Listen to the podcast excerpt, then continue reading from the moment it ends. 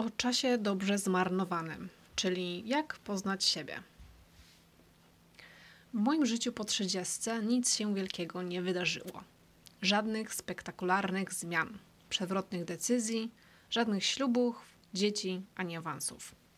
Nie wspięłam się po drabinie kariery, nie zdobyłam żadnych certyfikatów ani dyplomów, nie przeczytałam tony książek. Przez chwilę miałam nawet wyrzuty sumienia, że zmarnowałam czas. To jednak nie do końca prawda.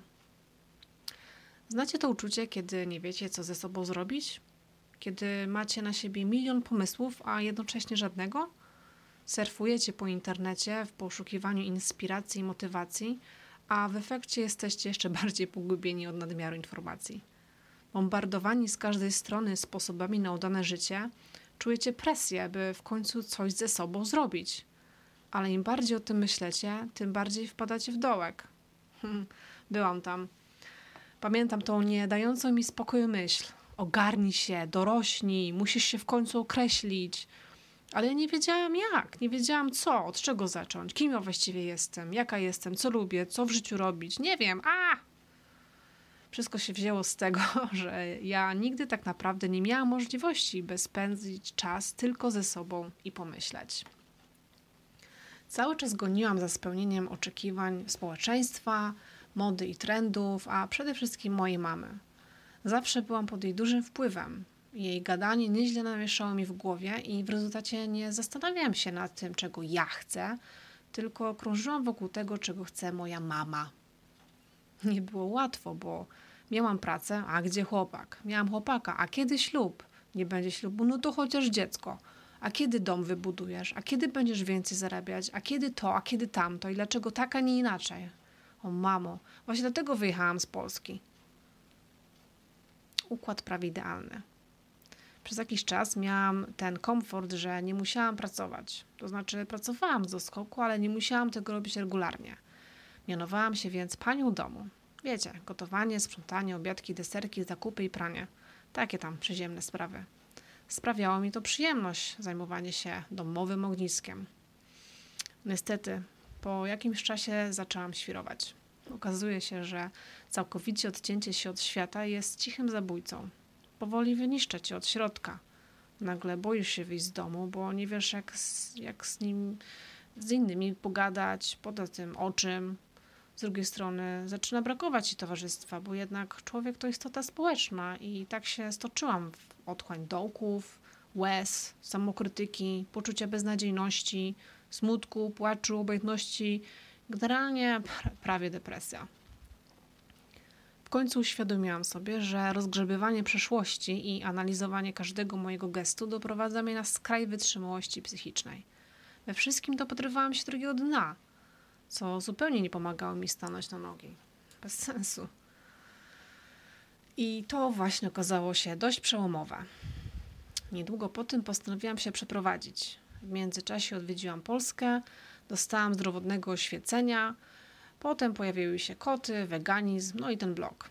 Przestałam mówić tak, gdy myślałam nie, usunęłam ze swojego życia ludzi, którzy nic do niego nie wnosili, ograniczyłam oglądanie seriali, które zaburzały mi poczucie rzeczywistości, przestałam się bać szczerości oraz otworzyłam się na nadchodzące zmiany. No i niestety kluczową rolę odegrało ograniczenie kontaktu z mamą do minimum. Wszystko zaczęło powoli układać się w jakąś sensowną całość. Zaczęłam w końcu poznawać siebie. Więc jak, jak zmarnowałam swój czas? Wow. W dość wielkim skrócie opisałam Wam syf, z jakim e, zmagałam się przez ostatnie lata. Być może mogłam ten czas wykorzystać lepiej, wziąć się za siebie wcześniej i lub starać się bardziej. Mogłam, ale nie umiałam, bo nie rozumiałam siebie. W ogóle. Każde zetknięcie z rzeczywistością było dla mnie jak walka z wiatrakami. Przegrywałam, bo nie wiedziałam, kim jestem. Jakie są moje słabości, jakie atuty, w czym jestem dobra, a co powinnam odpuścić, jakie są moje granice wytrzymałości, skąd się bierze mój smutek, a z czego mam w ogóle ochotę się śmiać do utraty tchu. Teraz wiem, że dobrze zmarnowałam czas, bo po raz pierwszy w życiu wsłuchałam się w siebie. Po prostu zaczęłam słuchać siebie. Przestałam gonić za spełnianiem oczekiwaniem, oczekiwań innych. Dzięki temu zrozumiałam, że potrzebuję kontaktu z ludźmi. Nawiązywanie nowych znajomości i uświadom, uświadomiło mi, że sama jestem swoim największym krytykiem, a co w ogóle nie ma przełożenia na to, jak postrzegają mnie inni. Poza tym to ważne móc od czasu do czasu spotkać się z kimś na kawę i pogadać o pierdołach. Zrozumiałam swoje błędy i przyznałam się do nich. Przez długi czas byłam skupiona tylko na sobie i na swoich zranieniach. Dziś potrafię spojrzeć na niektóre sprawy z dystansu, przeprosić i zaakceptować fakt, że czasem człowiek nawala. Nauczyłam się odpuszczać. To dotyczy głównie perfekcjonizmu w domu. Zawsze narzucałam sobie taką presję, że muszę być idealną panią domu, idealną partnerką, inaczej nie będę warta miłości. Dziś wiem, że nieugotowany obiad, skarpetki na podłodze czy nieumyte naczynia przez kilka dni nie są wyznacznikiem dobrej relacji, a przede wszystkim nie skreślają mnie jako złej nie określają mnie jako złej osoby czy słabej pani domu. Zrozumiałam, że praca jest ważna. Fajnie było przez jakiś czas nie pracować, ale już mi wystarczy. Zaczęłam odczuwać pustkę, bo brakowało mi tego poczucia przynależności, bycia ważną i potrzebną. To jest dla mnie istotne, dlatego nie wyobrażam sobie pracować gdzieś, gdzie nie czuję się dobrze. Zrozumiałam swój introwertyzm. Teraz już nie biczuję się za to, że pewne sytuacje społeczne sprawiają mi trudność, ale jednocześnie dumna jestem z siebie, że za każdym razem, gdy przełamuję swoje lęki. Zaakceptowałam siebie taką, jaką jestem. Patrzę na swoje fotki w lustrze i już nie, nie już ich nie nienawidzę, bo wiem, że sama je sobie wyhodowałam. Dlatego też współpracuję z moim ciałem i dbam o nie jak należy. Nie, by, nie biczuję się za to, że czegoś nie umiem, bo wiem, że nie we wszystkim muszę być najlepsza. Nie staram się nikomu przybudować na siłę. Albo lubisz mnie taką, albo spadaj na drzewo. Co zrobić ze swoim życiem? Jak poznać siebie?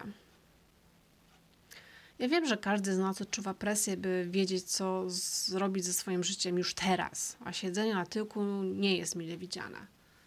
Samo od niedawna e, uważam, że warto się zmobilizować i zacząć coś robić, ale jednocześnie rozumiem, że pewne decyzje wymagają czasu. Że czasami musimy się zaszyć pod kołdrą i nie wynurzać spodnie przez dzień, tydzień, miesiąc, a nawet i rok. Wiem także, że poznanie siebie nie jest łatwe, no bo kiedy? Ledwo człowiek pójdzie do szkoły, a już za, za, za, zarzuca mu się wymagania, oczekiwania, matura, studia, praca, hobby, żona, dzieci, mąż. Zawrotu, idzie głos, y, zawrotu głowy idzie dostać. Dlatego mówię wam tak, odpuśćcie. Jeśli nie wiecie, co, e, kiedy, kim jesteście, odpuśćcie. Jeśli nie wiecie, co chcecie robić, odpuśćcie. Jeśli czujecie, że jesteście, nie jesteście gotowi na zmianę, odpuśćcie. Czujecie się aktualnie smutni i przegnębieni? Pozwólcie tym uczuciom przepłynąć przez Was. Ja musiałam osiągnąć do, dołek, by mieć się z czego, od czego odbić. W sumie to e, prawie się topiłam w morzu łez, ale jak widać przeżyłam. No więc jak poznać siebie? Na chwilę zwolnić i wsłuchać się w siebie, w swoje myśli, odczucia, w swoje ciało. Zacznij zwracać uwagę na to, jak reagujesz na, e, w danych sytuacjach, jak zachowujesz się w, w danym otoczeniu. Cała reszta przyjdzie z czasem. By wiedzieć, co zrobić, trzeba wiedzieć, z kim to zrobić. A, kim, a tym kimś jesteś ty. Dlatego warto poznać siebie, by wybrać właściwą dla siebie drogę. Ale to wymaga czasu. Dlatego zmarnuj swój czas. Dobrze, poznaj siebie. Na spokojnie, po swojemu.